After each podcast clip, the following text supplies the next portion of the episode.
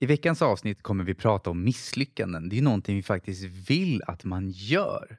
Jag heter Fredrik Ankarsköld och Jag heter Jakob Heitman och varmt välkommen till Lyckopodden. ja, vi börjar med egentligen vad är ett misslyckande? Det är lite som vi får definiera. Vad är det för att avgöra? Är det faktiskt det man vill ha? Det är ju en, en typ av förväntning då som man inte når upp till. Alltså ett mål som man inte når upp till. För, och, sen, och sen förväntningar av att må, nå det målet är känslan av att möjligtvis misslyckas. Då. Ja, Vad tror du om det? alltså jag tittar ju på, det är väl nästan samma sak, men jag kan väl göra min egen sammanfattning kanske är lättare. Men jag ser det som att när vi misslyckas så är det egentligen att vi får feedback. På, låt säga jag har en intention av att någonting ska se ut på ett visst sätt eller vara på ett visst sätt. Och om jag misslyckas betyder det att min nuvarande kompetens eller situation inte gör att jag uppnår det på det sättet som jag vill. Mm.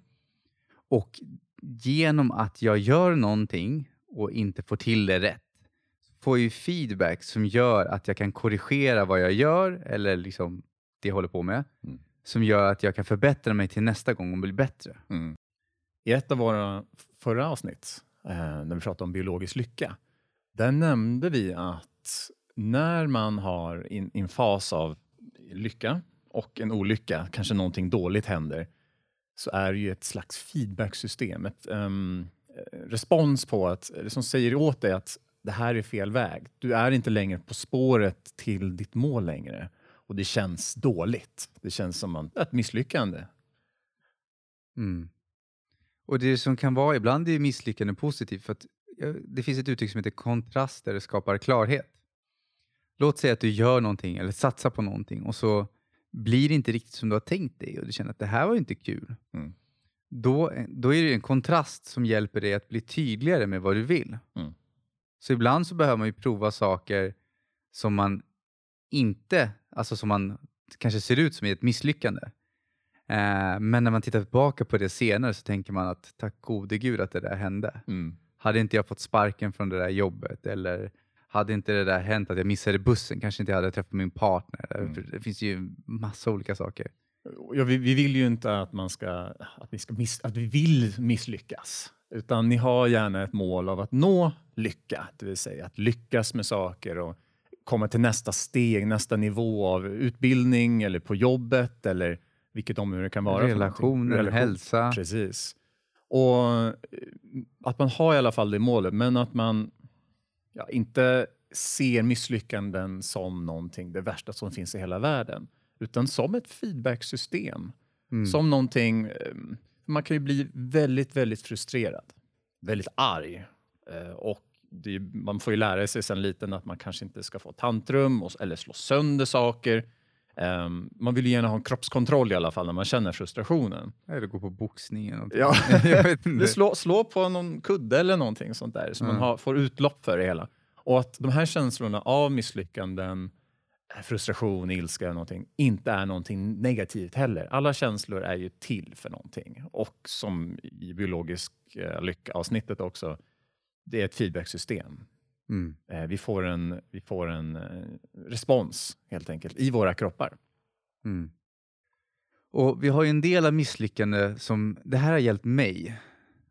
Alltså, jag vet inte, det finns inte så många. Jag brukar, jag brukar göra det här, du ska gå utanför komfortzonen. Mm. Ja, man hör ju det. Du, du ska, för att man ritar en ring och sen så ska man ta sig in i obekväma området eh, utanför sin soffliggande. Här är det mysigt, jag ska aldrig mer gå ut.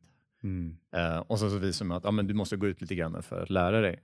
Men det är inte så enkelt. Om man går lite mer avancerat på det då. Det, Det finns finns en, ett tredje steg. precis, panikzonen. Ja, så att du har komfortzonen och sen har du obekväma zonen Mm. och sen har du panikzonen. Mm. Och det som är bra att veta om med panikzonen är det bästa är att sträcka sig så du är ut, alltså utanför i den obekväma zonen. Mm. Men när du kommer i panikzonen är det lätt hänt att du har gått så kanske för fort eller för långt eller så tänker du på ett visst sätt. Det finns många olika variabler Mm. eh, som gör att ditt system nästan stänger ner. Mm. Du kan få liksom ångest eller... Och i, till en viss mån är det nyttigt. Mm. Vi gör som ett exempel då, panik. eh, panikzonen skulle vara som att du kan inte köra bil. Men du säger jag ska vara modig, jag ska visa Vincent att det här går. Så du hoppar in i bilen, du förstår i alla fall att nyckeln ska in i vredet. Ja. Och man kopplar in ettan och Mm. sen så trycker man gasen i botten. Du, vet, alltså du, du är på den nivån, du kan inte ens växla. Ja. Och så trycker du på gasen i botten och så ska du säga jag ska visa, visa att jag kan köra bil. Ja, och in i Stockholms eh, högsta... alltså, jag undrar om jag ens kommer så långt. det finns säkert ja, någon som gör. ja, jo, man Ja, kan men vi ser som ett exempel, att tänka den tanken är ju panikzonen. Mm, Och det är ju inte att gå utanför trygghetszonen. nej. Att gå utanför trygghetszonen, att vara i den obekväma zonen, det är där som vi kan sträva efter att Mm. fortfarande våga. Men okej, vi- du kan ta kör, vad heter det, körkortslektioner. Man vill ju inte heller hoppa in i en obekväm, jätteobekväm zon.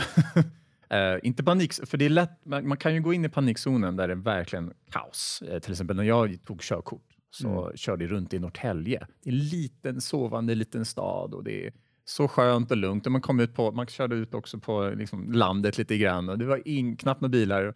Och sen så eh, skaffade jag mitt körkort och sen så satte jag på, så här fanns det inget släp. Jag skulle hämta lite möbler i Stockholm. Jag tänkte att det var inget problem. Så jag hittade i alla fall ett hästsläp.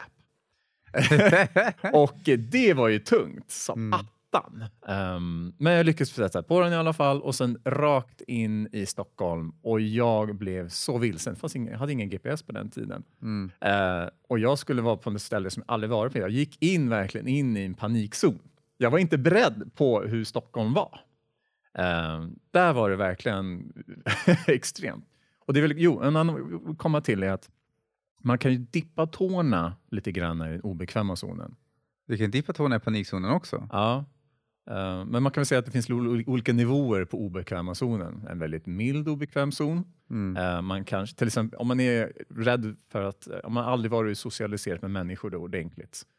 Ehm, och sen då, då kan man ju början bara gå ut bland människor. Till exempel gymmet till exempel. Mm. Har man aldrig varit på gymmet riktigt, då kan det vara, för mig har det varit att när jag har tagit paus från gymmet, kanske ett år eller två, ja, ett år eller jag har inte varit längre än ett år tror jag, då har jag märkt att har jag, då har jag nästan varit lite rädd Mm. för att gå till gymmet.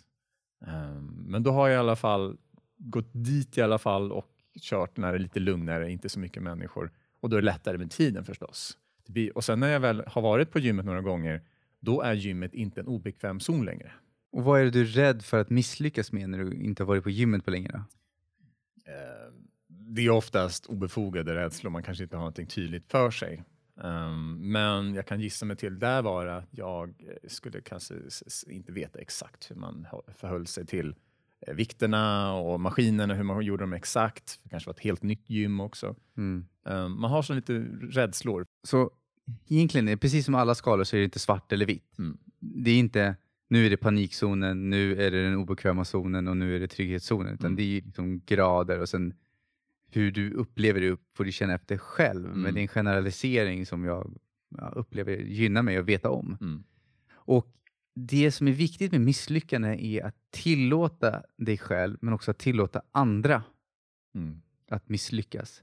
Att vi inte blir överbeskyddande. För att vi tänker så här, ja, men, låt säga att om jag skulle ha haft barn, nu har inte jag barnen, men om jag skulle ha det, Mm.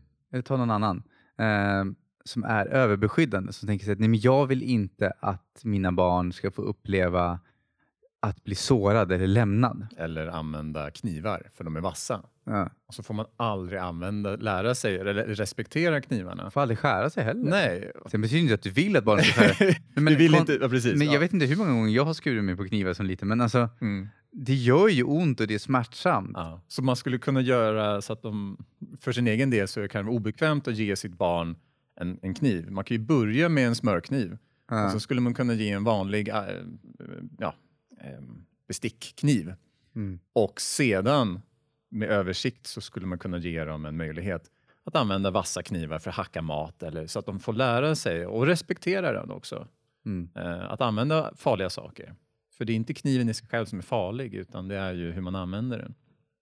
Och där är det viktigt, jag tyckte det var ett bra exempel där, liksom att man, det här är också olika grader av hur, liksom, hur mycket vå, satsar du på det. Mm.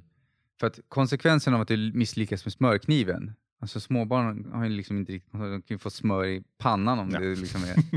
Men konsekvensen av att ha smör i pannan är ju att du får torka upp det om Ja. det är en liten bebis. Ja, och är det en bestickskniv så är det mest att man kan få lite, att det känns lite grann. Det kan ju sticka i själva ögonen. Ja. inte, liksom, ja. Man får vara försiktig. Men och, ju mer det är, Men då blir det också att du ger ju inte barnet, beroende på vart den är i sin utveckling, så ger du inte det. Men de, barnet kommer ju misslyckas under vägen. Mm. Precis, Och det vill vi komma till. Vi vill att människor, alla människor, jag och du, ska kunna misslyckas. Men att kunna hantera det. Mm. Vi lever ju i en värld där man måste misslyckas när, någon gång i livet. Eh, Så tidigt som möjligt. Ja, till och med när du lär dig gå. ja, man ramlar. Och då får man ju... Och det gör ont. Ja. Jag, jag minns inte, men det, det, jag gissar på att det gör ont. Ja, precis. Det är obekvämt. Ja. Ehm, och vi vill ju att man ska kunna hantera, istället för att bara lägga sig på marken och säga nej, jag, jag tänker inte resa mig upp, för jag har ramlat en gång. Så istället att resa sig upp hela tiden. Eh, om vare sig det är med relationer eller hälsa eller vad det nu kan vara för någonting. Att våga misslyckas. Och det handlar lite grann om att ha ett mod, att våga och vara risktagande. Att vara lite mer, att våga vara risktagande, ta, ta risker. För jag har ju varit, ja, precis, men tänk med plugga. Mm. Eh, Det är tryggt och säkert. Och hoppar jag över pluggandet och hoppar på direkt företagande, det känns lite mer riskfyllt. Men att kunna ta det steget och i alla fall, som du sa också, testa. Mm. Pröva på. Så det vi egentligen vill få fram här är att våga misslyckas och våga låta andra misslyckas. Och liksom, jag vet inte, börja skifta vårt sätt på att misslyckas. Mm. För om, om vi istället för att säga, om vi, låt säga så här, ett exempel på hur, det kan, hur ett synsätt kan hindra en från att uppnå det man vill. Mm. Det skulle vara så att när man gör någonting och så går det inte perfekt första gången så ser man Oj vad jag är dålig. Ja, nu vet jag. Jag kan inte göra det här. Mm. Titta hur dålig jag är. Du skapar affirmationer. Ja, ja, som, det- inte, som inte är de bästa. Vi hade ju affirmationavsnittet där Ja, precis nyss. Och eh, vi vill ju hjärtegärna att man formulerar om det hela mm. till en mer ja, motiverande och avslappnad attityd till att misslyckas. Det är in, inte att man rör sig mot misslyckanden, utan man ska ju röra sig mot lycka. Man ser att det är en naturlig ja. konsekvens. Liksom. Ja, precis. Så målet är ju att lyckas, men man har förståelse för att vägen för att lyckas. Och det här gäller, låt säga att du vill ha bättre hälsa. Du vill äta nyttigare, du vill röra på dig på ett visst sätt, promenera eller träna. Mm. Så ingår ju det i, i hela att man inte riktigt har koll på saker och ting i början. Och så är det likadant med relationer. Alltså om jag tänker på första dejten jag någonsin var på, Mm. minns knappt hur det var, men alltså, jag vet inte, jag var inte den skarpaste kniven i lådan. det är nog inte många. Alltså inte alla. ja, och då gäller det liksom att man går på några dejter och man testar. Och likadant, första dejten du går på kanske inte du träffar kärle- liksom den kärleken som kommer vara hela Mm. livet. Precis. Men du måste ju våga misslyckas, du måste våga vara sårbar för att det ska gå. Mm. Och slutklämmen som en bonus är egentligen också, det får nästan bli ett eget avsnitt i sig som är i framtiden. Mm. Men det är rädslan för att lyckas. Precis. Det finns ju de gånger som man, ja, till exempel eh, pengar. till exempel. Mm. Um, man kanske har vuxit upp med att höra att ja, rika människor, nej, de är bara snikna och elaka. Att vara rik och ha pengar, det är inte bra. Eh, och sen så växer man upp och helt plötsligt så har man glömt bort det, man levde upp så och sen så, hmm, jag borde nog skaffa bättre ekonomi. Och när man väl får bättre ekonomi, då kan det vara att man helt enkelt stoppar sig själv. Mm. Eller att man slutar skaffa sig mer pengar på något sätt. Man självsaboterar sig själv lite grann. Det kallar vi den, eller jag kallar den inre termostaten. Mm. Du, du bestämmer hur, hur varmt ska det vara i rummet. Mm. Du kan hålla på med alla möjliga grejer men du kommer fortfarande i slutändan få samma temperatur. Det vill säga att du kan ha jättemycket aktivitet få bättre ekonomi. Men om din inre termostat, ditt mindset och din, liksom, din rädsla för att lyckas Mm. är tillräckligt stor så kommer man själv sabotera. Mm. Och det här gäller ju också hälsa. Mm. Man har, ehm, för mig var det ju att jag känner mig otrygg. Eller man säger så här, jag, jag Crohns och sen så fick jag pengar från Försäkringskassan. Det var ju Du hade Crohns, en Precis. tarmsjukdom. Precis, tarmsjukdom. Och då kunde jag få pengar från när jag var sjuk. Mm. Ju sjukare jag var desto mer, desto bättre var det. Eh, och när jag väl bli, mådde bättre och blev friskare så blir jag rädd. För det blir, blir jag otrygg. För då hade jag ingen denna automatiska inkomsten längre. Det är rädslan för att vara frisk. Det vill Ja. rädslan för att lyckas vara frisk. Mm. Och så är det även med relationer. Låt säga att dina föräldrar hade en jättedålig relation under din uppväxt. Så din bild av att vara en relation är, ja, det är ingenting du vill ha. Mm. Då kan man omedvetet, en del av en känner sig, ah, jag vill verkligen känna mig älskad och jag vill verkligen vara i en passion med en partner där jag får uttrycka min kärlek till den Mm. och mig själv. Mm. Men så hittar man på och så får man inte till och så träffar man inte rätt och när det, det känns inte bra och alltihopa. Och då kan det vara att man är rädd för att lyckas för att omedvetet har man, man vill inte ham- man är rädd för att hamna i en likadan relation som ens föräldrar. Mm. Och så fort det börjar gå bra i relationen så självsaboterar man eller man lämnar eller vill inte, Mm. ja, man, man avstår. För så fort det blir lite mer intimare eller lite mer seriöst. Och så kan vi ha hälsan, eh, en till grej med hälsan, Mm.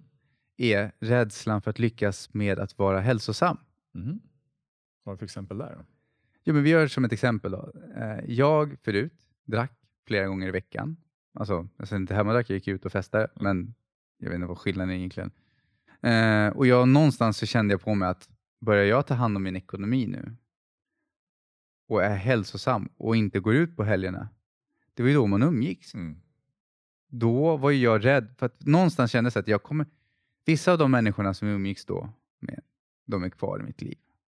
Och vi är fortfarande goda vänner. Mm. Men jag kände på mig redan innan att när jag gör den här förändringen då, då kommer jag vara tvungen att lämna några och det vill jag inte. Jag vill så gärna ha kvar mina vänner. Och det kommer väl från en grundlig eh, biologisk anledning till att bli överlämnad eller ja, att man Att blir ensam. någon ja, precis. Och det leder ju oftast till att man dör i naturen då, man är helt ensam i, bland rovdjur och annat. Och, men vi skapar illusioner som gör att vi, ju, i dagens samhälle blir vi inte lämnade och blir Nej. ensamma ute i safari djungeln och dör. mm. Men Ja. ändå så får vi den där obehagskänslan och förhindrar oss från att göra dessa. Så, så det jag har jobbat med är ju faktiskt att överkomma det och inse att upptäcka de här sakerna. Uh, göra det så medveten som möjligt. Vad är det för någonting som förhindrar mig från att bli frisk? Och det är ju ja, olika saker. Och, ehm, hur skulle man kunna bara lite snabbt bara, hur överkomma sådana här saker till exempel? Ehm, med kost och hälsa till exempel. Man, Kost och hälsa, det är egentligen ta ett papper och så skriver du upp vad är det du har hört om hälsa. mm, Alltså, för oftast kommer svaren, så här, vad är det du är rädd, vad är det värsta som kan hända om du lyckas? Mm. Det är jag brukar ställa den frågan, mm. men det är, det är inte så ofta jag hör. Och vara så ärlig som möjligt. Eh, för man kanske kommer på, så fort man skriver ner och ställer en fråga till sig själv så brukar det dyka upp lite svar på det. Och vissa grejer kan man vända direkt, för bara när man skriver upp dem så kan man bara Mm. se att Nej, men det där är inte sant. Mm. Och vissa grejer behöver man bevisa för sig själv över en period eller använda självhypnos eller tapping eller Mm. ah, någon metod i alla fall som hjälper en på ett djupare plan att göra den förändringen. Mm. Mm. Någonting mer du vill lägga till innan vi avrundar för idag? Nej, det låter bra det här. Vi, eh, en kort sammanfattning är att våga ta, ja, ha misslyckas. Mm. Eh, se det inte som ett misslyckande. se det som en feedbacksystem. På ett, ett, ett sätt för oss, sätt för dig att ta dig in på rätt spår igen. Ja. Um, våga vara, känna känslorna. Och det är helt okej att vara arg och frustrerad. Och undersök också varför du inte vill lyckas. Ja, så man kan få en, eh, en, en tydligare... Skriva ner alla dessa saker är ju så enkelt. Och så kan man lägga undan papperna om man vill och så kan man återgå till papperna och Mm. gå igenom igen. Så. Då får jag tacka så jättemycket till dig som lyssnade och tack till dig Jakob. Är det så att du gillade det här avsnittet, följ oss på Youtube, gilla oss på Facebook, kommentera gärna, skriv en recension på iTunes också. Eller bara säg hej så hörs vi i nästa avsnitt.